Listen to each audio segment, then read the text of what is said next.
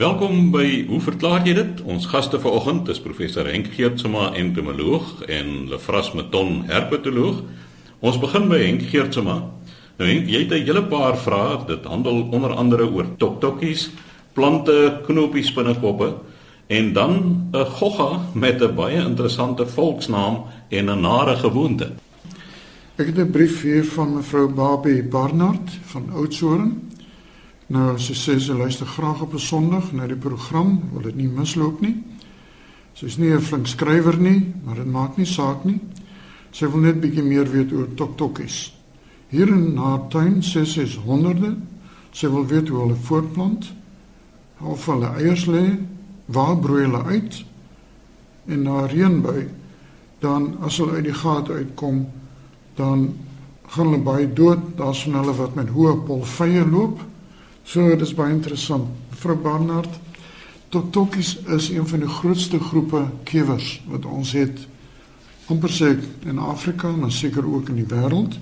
Jy praat nou van toktokkies, maar ek weet dit is altyd baie moeilik as ek nie 'n regte voorbeeld het van die kewer nie. Want in die algemene volksnaam ken mense toktokkie, die enetjie wat as jy met 'n potlood kan jy byvoorbeeld op die tafel die dingetjie indiseer, soos hulle sê, om ook op die tafel te klop. Maar in elk geval, u vra hoe plant hulle voort? Nou dis natuurlik weer die ou storie. Die mannetjie en die wyfie kyk mekaar in die oë, praat oor die dieper dinge van die lewe en hulle paar dan en dan in die geval van die toktokkies word eiers gelê. Nou die eiers word gewoonlik gelê by droë organiese plantmateriaal. Byvoorbeeld in Namib waar baie groot populasies van toktokkies voorkom, broei hulle eintlik op droë plantmateriaal want daar's niks anders om te eet nie. Ook so terloops interessant, nou vra mense in die woestyn, insekte moet ook water kry om te geniet, om te gebruik. Nou waar kry toktokkies dan die water in die Namib vandaan? Nou, jy weet meeste plantmateriaal bestaan uit selulose. En selulose is 'n 12 koolstof molekule. En as hulle dit inneem, kan hulle dit afbreek na 'n 5 koolstofmolekule, 'n pentose en 'n 6 koolstofmolekule, 'n heksose. En saam met die afbreking kry jy dan 1 CO2 wat afgegee word en 1 molekule water. En dit is sogenaamde metaboliese water. So hulle kan hulle eie water fabriseer of produseer as dit ware. Maar terug te kom. Die eiers word gewoonlik in die tuin daar in Oudtshoorn wat ook maar 'n droë wêreld is, baie keer word die eiers in die grond gelê en dan kry jy mens byvoorbeeld die sogenaamde draadwurms. Baie kere is mens groente wat in die grond met die wortels uitgetrek word, kry mens sulke harderige larwes wat rondloop. Dis nie noodwendig 'n Lepidoptera of 'n mot of 'n skoenlapperlarf nie, maar dis 'n harderige larf en dit noem ons 'n draadwurm. En dit is baie kere die larwe van toktokkies. Maar natuurlik toktokkies ook het ook maar 'n beperkte lewe. Gewoonlik is hulle lewensduur maar net 'n jaar van eier tot eier. En dan sê mevrou Barnard met party van hulle loop met hoë polvye. Nou dis baie interessant. Meeste toktokies in Namib loop in die dag op die warm sand. Nou weet een van die groot probleme van insekte is juis uitdroging. En as die sand baie warm is, dan is die gevaar vir uitdroging ook baie hoog. So baie van die toktokkies daar het uiters lang pote. Met die lang pote kan hulle die hoogte van die lyf bo kan die sandoppervlak reguleer. Nou ook in oudsoort sal mense van hulle kry.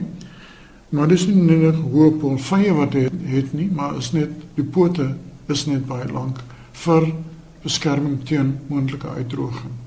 So mevrou Barnard, ek hoop ek het u kortliks net vertel van toktokkies. Ek sê daar's honderde Natuurlik as daar baie voedsel is, sal daar honderde wees. Ek het daar gesien by in byvoorbeeld in Porterville, net na die dorstyd wanneer die strooi by lande lê, is daar letterlik honderdduisende van hierdie kewers wat na die plaasligte toe kom. So baie suksesvolle groep omdat hulle droë plantmateriaal kan benut en 'n baie groot groep om te bestudeer. Ons weet nog nie eers die helfte van die spesies wat ons het nie. Maar die meeste wat bestudeer is is die in die Namib, want dit was die interessantste groep. Baie dankie mevrou Barnard. Dan die tweede navraag wat ek kry is van Gerard Potgieter. Hy praat hier so 'n bietjie van plantkunde. Nou ek is nie 'n plantkundige nie, maar ons het baie wakker studente in die departement wat redelik op datum is met plante en ek het hom gevra, Janie Groenewald gee toe vir my die antwoord. Nou die vraag is die party stories oor die val kameelboom. Is dit 'n erkende spesies of is dit 'n hibriede spesies? Nou die val kameelboom staan natuurlik ook bekend as die rooi ebbehout. Nou die val kameelboom se latynse naam is Acacia hematoxylon. Hemo verwys na rooierig en xylon verwys na die Griekse hout. Dis waar die rooi ebbehout vandaan kom. Nou as die spesies suiwer hematoxylon is, dan is dit valkameelboom. Maar dit ongelukkig barste dit redelik uit met kameeldoring, Acacia aeruloba. En dan praat mense ook maar van die valkameelboom. So daar's 'n bietjie verwarring oor presies wat dit is. Dan vra meneer Potgieter, wat van die naam Acacia, naamsverandering? Want hy het gehoor dat die Australiërs maak nou aanspraak dat hulle akasias wat natuurlik hele paar duisend soorte is, is die eintlike akasias terwyl die Afrikaanse nou praat ek van die kontinent Afrika se akasias is eintlik 'n ander groep en dit word genoem Phacelia en dis net Senegania die hartdoring wat 'n regte akasia is. Maar dis natuurlik 'n klomp nonsens die ding is Q wat eintlik die gesaghebende struktuur is oor naamgewing by plante bly staan by die naam akasia dis nie die Australiërs wat iets so so 'n slinkse streek hierso probeer uithaal. Nou, ek is 'n entomoloog. 'n Frans is hier so 'n zooloog, hy weet ons naamgewing word baie streng beheer deur die internasionale reëls van zoologiese nomenklatuur. Met ander woorde die name wat ons aan diere gee. By plante is daar 'n soortgelyke organisasie. Nou in ons geval, as ons vind dat Linnaeus wat die grondlegger is van die sogenaamde binominale nomenklatuur, As hy 'n ding beskryf het, 'n genus, dan staan daai genus gewoonlik. En in die geval van die Afrikaanse doringbome, het Linnaeus die eerste keer die naam Acacia gegee aan 'n Afrikaanse doringboom en nie aan 'n Australiese Acacia nie. So sover dit my aangaan en sover ek dink die reëls aangaan, staan Acacia vir die Afrikaanse doringbome. Die tweede vraag wat hy het gaan oor Watter faktore maak die Kalahari oogpusters en duisendpote so oorvloedig in sommige jare en so skaars in ander? Minder reënval, is dit een van die faktore? Nou, in sekere dele van die land gebruik ons die naam oogpusters, in ander dele van die land meer beskaafde naam oogspuiters. Nou natuurlik, jy weet waar dit vandaan kom. Hierdie kewers het op hul agterlyf 'n uh, klier waarmee hulle mure suur kan spuit van daardie naam oogspuiter. En natuurlik as mens so 'n kewer op die tafel sit, ek was my kort in die land, ek het so 'n kewer mooi bestudeer op die tafel en toe blers die ding my op my boelop. My boelop was opgeswel van die mure suur. Ek sal dit nooit weer doen nie. Dis waar die naam oogpusters vandaan kom. Hulle gebruik dit baie min, is net as mense hulle vaskeer, byvoorbeeld dat hulle son spuit. Normaalweg hardloop hulle rond, hulle is roofinsekte. Nou, as sulks is hulle afhanklik van prooi wat meestal bestaan uit ander insekte wat plantvreters is. Nou, meneer Potgieter verwys na die reënval as 'n faktor van meer of minder oogpusters. Nou, hulle vra sou ook saamstem dat die verhouding tussen die predator en die prooi is nie 'n konstante verhouding nie, dis 'n sikliese een. Of daar's baie prooi en min predators of daar's baie predators en min prooi. En so gou daar baie predators is en min prooi, dan staan die prooi die kans om sy getalle so laag te raak dat die predator getalle weer geraak word. So daar's 'n soort van 'n meganisme van balansering in die natuur. En dit is wat hier gebeur. Die oogspuiters sal opdaag en in getalle toeneem as daar baie prooi is. Met ander en die prooi op hulle beurt weer as daar baie plante groei is. As dit 'n droë jaar is, gaan daar minder prooi wees en uiteindelik sal er minder oogspuiters wees. Henk, ek het al verskeie kere van hierdie oogpusters gesien wat pragtige, mooi wit Nee, ek is van die Kaap. Pragtige wit kolle op het, so swart en wit kolle terwyl ander is weer net egalig swart. Hulle is eintlik baie mooi insekte. Ek meen in die name is dit baie kere baie treffend. Byvoorbeeld die in die Weskaap kry mens die genus Antia en dan is die een met byvoorbeeld 10 wit kolletjies op die elytron is dan Decim lineata, né? Of Decim punctata. So decim natuurlik verwys na 10 en lineata of punctata lyne of strepe. Sou die swart en wit nou waarskuwing kleure wees? En dan is my vraag aan hoekom by die ander spesies het hulle minder mure hier die wat nie hierdie waarskuwingskleure het nie? Jy kry wat heeltemal swart is, party wat swart-wit is en dan kry jy in uh, die vorige Transvaal kry jy die mooi pragtige groot goed. Wie hulle is omtrent amper 8 cm groot swart en geel, pragtig goed.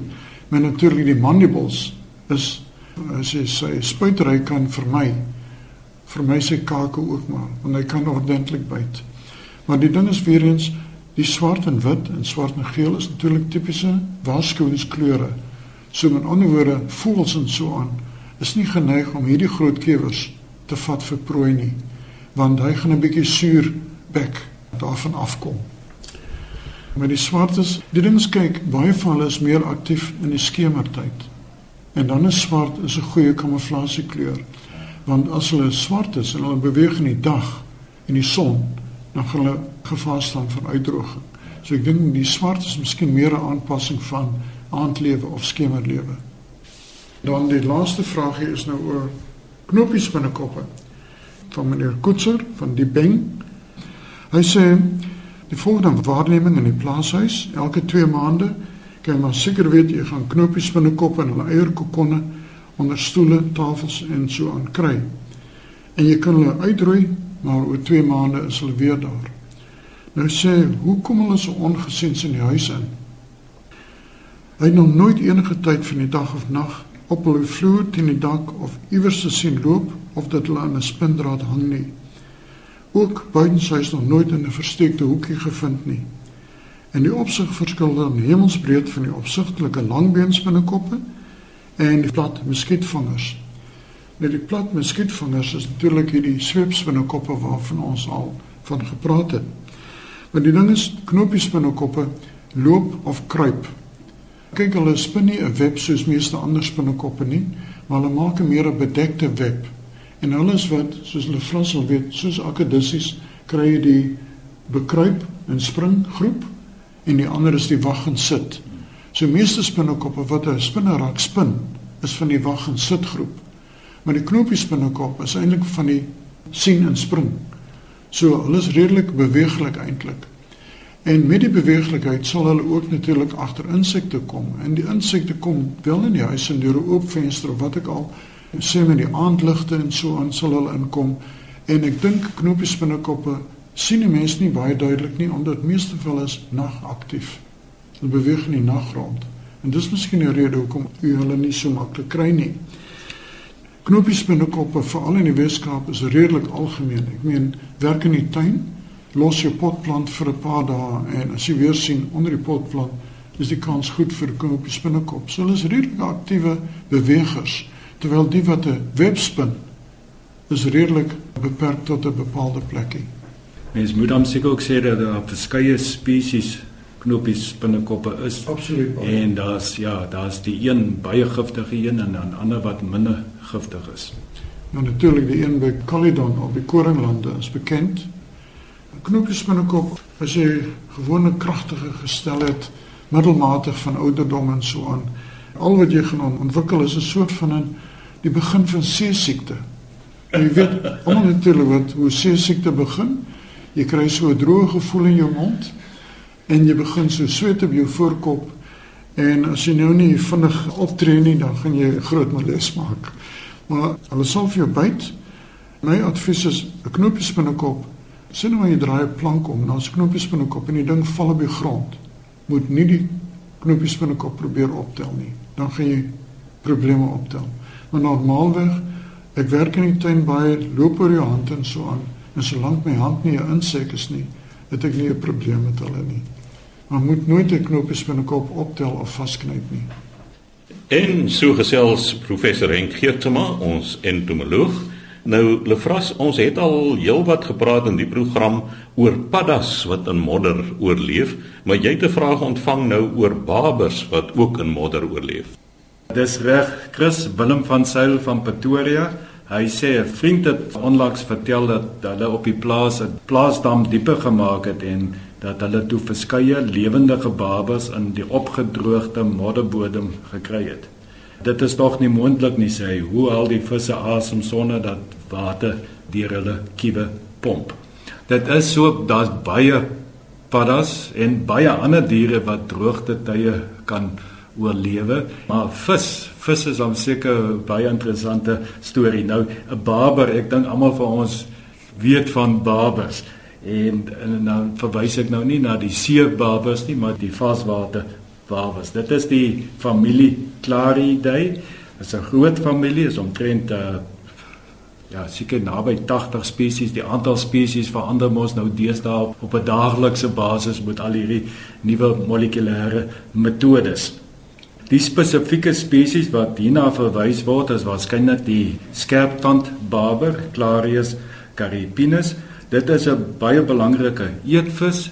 Dit was die argeologiese rekords of opgrawings in grotte en so wys dat dit 'n baie belangrike bron van voedsel ook vir die oermens was. Dit is nou baie duisende jare gelede. En mense sal ook dadelik sê ja, dis ook 'n belangrike hengelvis. Ek weet dan nie wat lekker kan wees om so 'n groot stuk ongedierte. ja, ek weet jy, baklei jy 'n bietjie. Chris, weet jy of Nee, sleep hom uit. Dis net soos 'n dooie boomstok.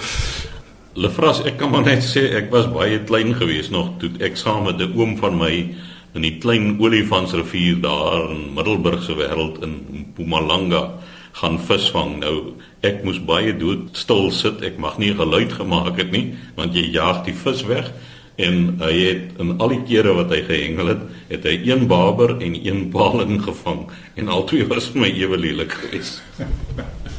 ja.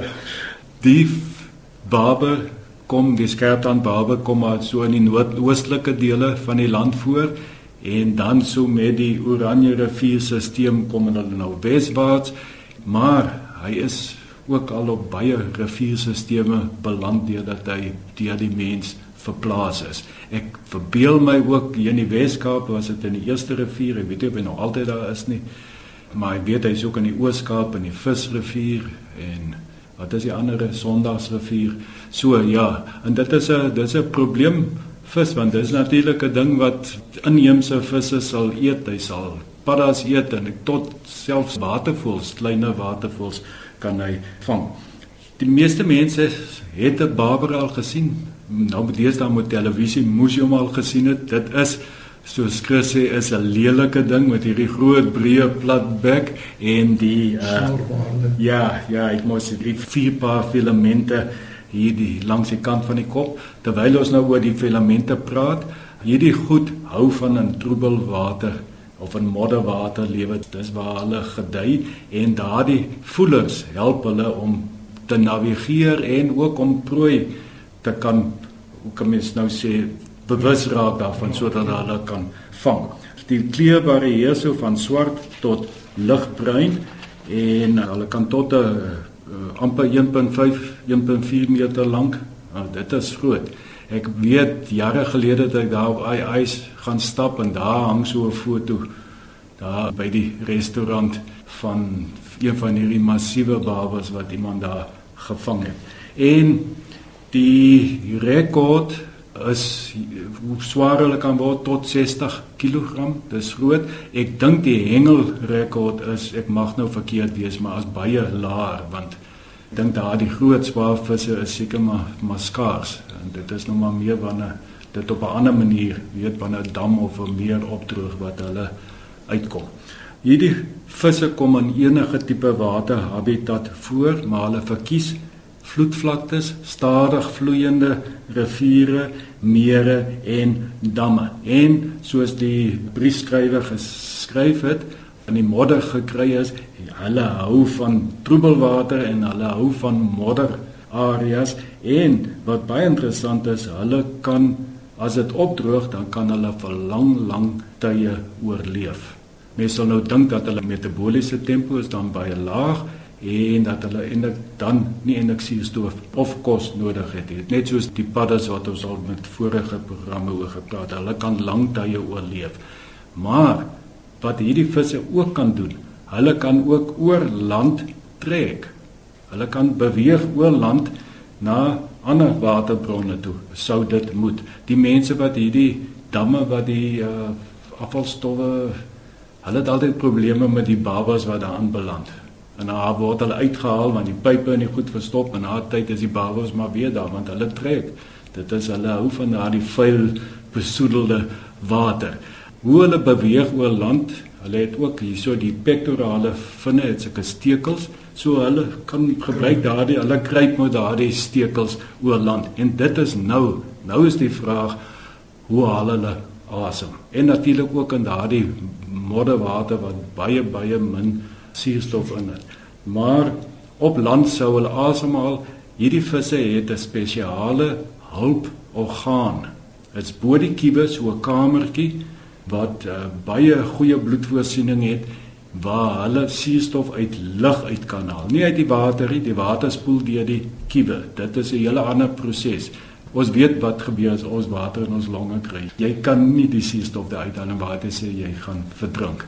Nou 'n vis het dieselfde probleem. Hy kan ook nie suurstof uit lug uithaal met behulp van sy kiewe nie. Daarom het hy hierdie spesiale kamer waar hy die suurstof uit lug uit kan asemhaal. Dit is amper soos longe, maar dit is nou nie longe nie. Longe is iets wat op 'n heel ander manier ontstaan het, maar die beginsel is dieselfde. So hierdie visse is fantastiese visse. Hulle kan in absolute toestande oorleef sou 'n dam opdroog, dan lê maar daar in daardie modder en wag vir die reën vir ek weet nou nie hoe lank dit kan wees nie, maar op land, byvoorbeeld as hy nou oor land beweeg, dis nou 'n ander storie. Dan het hy nou kos nodig en suurstof nodig. Dan sou hy tot so 18 uur, amper die hele dag sou hy buite die water kan oorleef deur van hierdie ander metodes gebruik te maak. Nou soos ek gesê het, hierdie visse hou bedreiging in in baie sisteme waar hulle nie oorspronklik voorgekom het nie, waterstelsels as die mense hulle sou oopplaas, want hulle eet alles wat hulle in die hande kry, is amper soos 'n plat ander, nou net baie groter. En so hy sal die inheemse vis vang, hy sal die amfibieë vang en allerlei ander goede, is 'n wye reeks soos ja, soos 'n baie geharde vis. Ek dink dit beantwoord basies die vraag wat meneer van Sail gevra het, hoe hulle nou oorleef. Hulle het hierdie longe, maar ek wil net afsluit deur te sê dat as hulle daar in die modder lê, is hulle metabooliese tempo baie baie stadig en dan haal hulle eintlik glad nie asem nie. Maar as hulle op land is dan kan hulle wel asemhaal deur hierdie spesiale organe wat hulle het. Nou sê my hulle vra wat maak hulle as hulle nou sien maar die dam droog op? Is daar van hulle wat dan die dam verlaat op soek na ander geskikte waterbronne? Sou dus nou verwag dat met droogte tye dat daar nou vreeslike klomp babas ja op pad is na nêrens. Ek het ongelukkig nou nie inligting nie, mense sou nou maar spekuleer dat kyk ek dink vir baie van hulle is dit geneties vasgelê. Hulle is oorleef droogtes. So ek dink nie almal gaan nou net trek trek want dit is ek dink is baie meer gevaarlik om te trek na iets wat jy nie weet bestaan nie as om maar net dit uit te sit. Hulle is aangepas om te oorleef. So ek, ek dink dit is dalk nie met droogtes wat daar so so seer getrek word as wat dit tydens goeie tye is wat wat hulle trek nie. Amerikaners praat van 'n sogenaamde catfish. Is dit dieselfde ding? Want dit is 'n groot lekkernis skynbaar in Amerika. Ek sal nie my mond sit aan barbervleis nie. Dit is baie jammer. Die Engels vir barber is mos ja, is catfish vir hierdie groep. Dit is nou die een familie. Ek is nou nie 'n viskenner nie, so daar is waarskynlik nog 'n hele ander klomp. Hierdie familie is in Asië en Afrika, maar soos jy sê daar seker naverwante groepe wat wat ook so lyk in dieselfde tipe habitatte voorkom wat in in die Amerikas voorkom. Ons het net net iets gesê oor longe.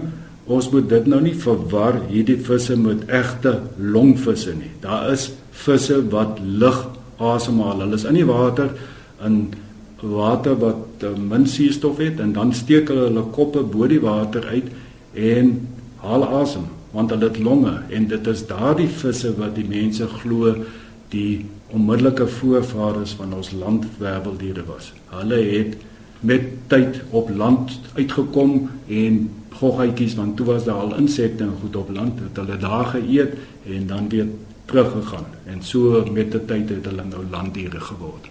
Maar ongelukkig die tyd het ons weer ingehaal. Ons sê dankie aan ons twee spanlede, professor Henk Geertsma en sy kollega professor Lefras Meton. Skryf gerus aan ons by hoe verklaar jy dit? Posbus 2551 Kaapstad 8000 of stuur 'n e-pos aan chris@rsg.co.za.